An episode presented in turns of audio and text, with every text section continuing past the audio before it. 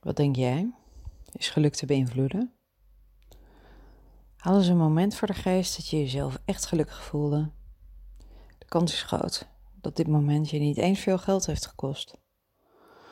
Of dat dit moment, wat jij nu in je hoofd hebt, jouzelf nu ook verrast. Met nog meer zekerheid verwacht ik dat er andere mensen in dat moment aanwezig waren. Dat is niet zomaar, want bij de meeste geluksmomenten zijn we namelijk meestal niet alleen. Als mens voelen we ons vaker gelukkiger als we in contact zijn met anderen. Onderzoeken geven aan bij veel mensen geluk samengaat met familie en vrienden. Het zijn de diepe menselijke relaties. En mocht je je afvragen wat diepe menselijke relaties zijn, bijvoorbeeld, als je het met elkaar kunt hebben over de zin van het leven, dat schaal ik onder diepe menselijke relaties. En dan heb ik het over nuchtere toestand, hè? Want sommigen kunnen hier uitermate vrij over praten in een beschonken toestand. Ik doel dus nu even niet op je kroegmaten. Laten we even naar het chemische procesje van geluk kijken. We maken als mens bij persoonlijk contact een bepaald gelukshormoon aan. Dit hormoon maken we aan als we samen zijn, bij het zorgen voor een ander, elkaar helpen en bij aanrakingen. Mijn persoonlijke conclusie: ik moet wel een dikke vette junk zijn. Want ik heb van helpen en zorgen mijn beroep gemaakt. Heb ik ook meteen een alibi. Om mijn oude dag een chagrijnig krenk te zijn. Want dan kan ik gewoon zeggen, hé, hey, ik kan hier niks aan doen. Ik zit gewoon in mijn afkeekproces. Maar we het even niet over mij hebben, maar over jou. Wist je dat jouw brein zich automatisch afstemt op dit stofje bij de ander? Herken je het? Je bent vrolijk gestemd en er komt iemand binnen die ontzettend boos of chagrijnig is. Waarschijnlijk kun je al na enkele seconden merken dat jouw humeur in vrolijkheid afneemt, zonder dat deze persoon nog maar iets met je heeft gedeeld. Je past je hierop aan. Dit aanpassen heeft een sociale functie, want hierdoor kun je makkelijker met elkaar communiceren. Je zit sneller op dezelfde golflengte. Personen die hiervoor gevoelig zijn, erg openstaan voor de energie van een ander, zeg maar, kunnen hierdoor ook veel energie verliezen. Wel belangrijk om je dus hiervan bewust te zijn. En een leuk feit: gelukkige mensen zijn vaker te vinden in het netwerk van andere gelukkige mensen. De moeite waard dus om eens te bekijken door wie jij je laat omringen en welke invloed dat op jou heeft. Maar zeker zo belangrijk, Bedenk je eens welke invloed jij op jouw omgeving hebt met jouw energie. En vraag je ook eens af wat voor invloed dit heeft op je werkomgeving, want daar breng je waarschijnlijk ook veel tijd door. Dit fenomeen is namelijk bepalend voor jouw succes en het succes van het bedrijf waarin je werkt. Het is altijd zo leuk om mensen dit uit te laten proberen. Enkele maanden geleden kreeg ik de opdracht om de sfeer binnen een organisatie te verbeteren. Ik ging met iedereen individueel in gesprek om te onderzoeken waar het energielek zat. Tijdens die gesprekken gaf ik ook bepaalde personen de opdracht om eens uit te proberen wat voor effect het zou hebben als ze de hele dag alleen maar complimentjes en leuke dingen tegen hun collega's zouden zeggen. Het resultaat was waanzinnig. Ze appten me s'avonds stuk voor stuk dat ze een geweldige dag hadden gehad en ze ongeveer stuiterend op de bank zaten. Probeer het eens. Dus, hebben we ons geluk volledig in de hand, vraag ik me dan af. Het slechte nieuws? Nee, helaas niet helemaal.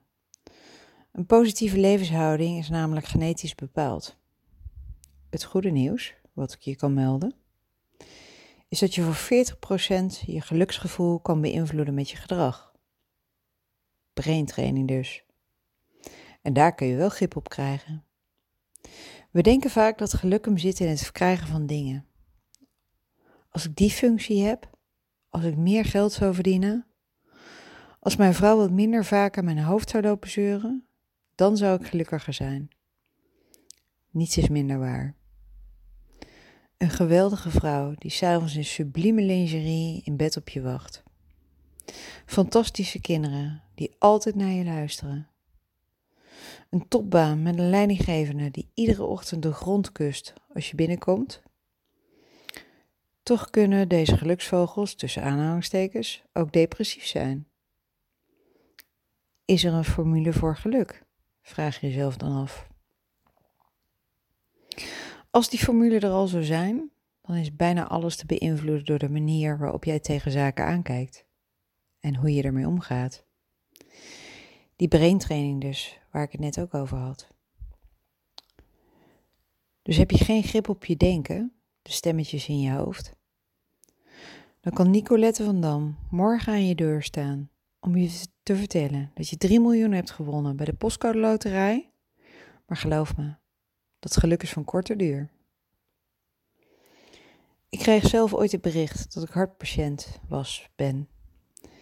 En dat er geen zicht was op een oplossing er geen levensverwachting kon worden gegeven aan de problematiek. Het eerste gevoel was verzet en verdriet. Waarom ik? Ik ben hartstikke jong. Ik wil nog zoveel doen. Ik heb verantwoordelijkheden. Na het zoveelste ziekenhuisbezoek stopte ik onderweg in de polder in een doodlopende weg, om het slechte nieuws wederom te verteren. Opeens zag ik het. De schoonheid van alles. De geur van het gras. De warmte van de eerste lentezon op mijn huid. De boterbloemen, die geler leken dan anders. En de mier die over mijn voet kroop en me kietelde. Ik zat daar en opeens met een brede lach. Alles voelde intens. Net zoals het gevoel van dankbaarheid waarmee ik vanaf dat moment om me heen keek. Het was niet meer vanzelfsprekend. Ik herhaal het nog een keer en niet omdat ik denk dat je dement bent, maar het was niet vanzelfsprekend. Het is mijn geluksformule die werkt. Je hebt geen controle over wat er met jou gebeurt maar je hebt wel controle over hoe jij daarmee omgaat. Die geluksvogel waar ik net met je over had, die alles heeft, die ziet het duidelijk niet meer. Als je werkelijk voelt wat ik bedoel met niets is vanzelfsprekend, ben je dankbaar voor de kleinste dingen. Stel je vandaag eens voor dat bij alles wat je doet, dat dat er morgen niet mee is. Beschouw vandaag is niet als een gewone standaarddag. Voel, ja, en daar ben ik weer met me voelen.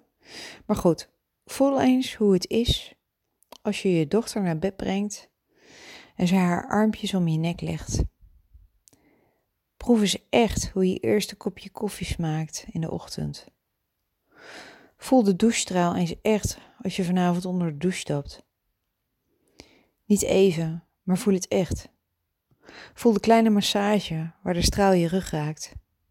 En voel het water over je lichaam lopen. Voel de warmte.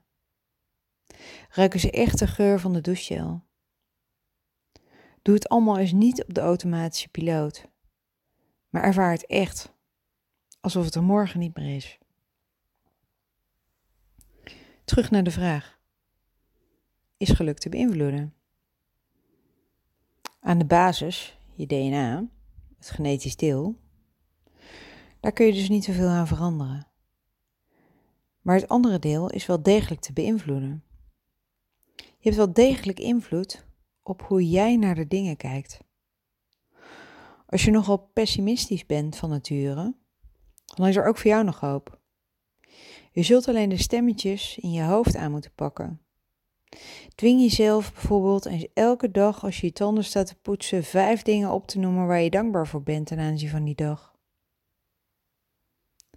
Als je die positieve dingen dan ook nog eens gaat delen met je omgeving, dan heeft het wederom een vergrotende werking van het geluksgevoel voor je.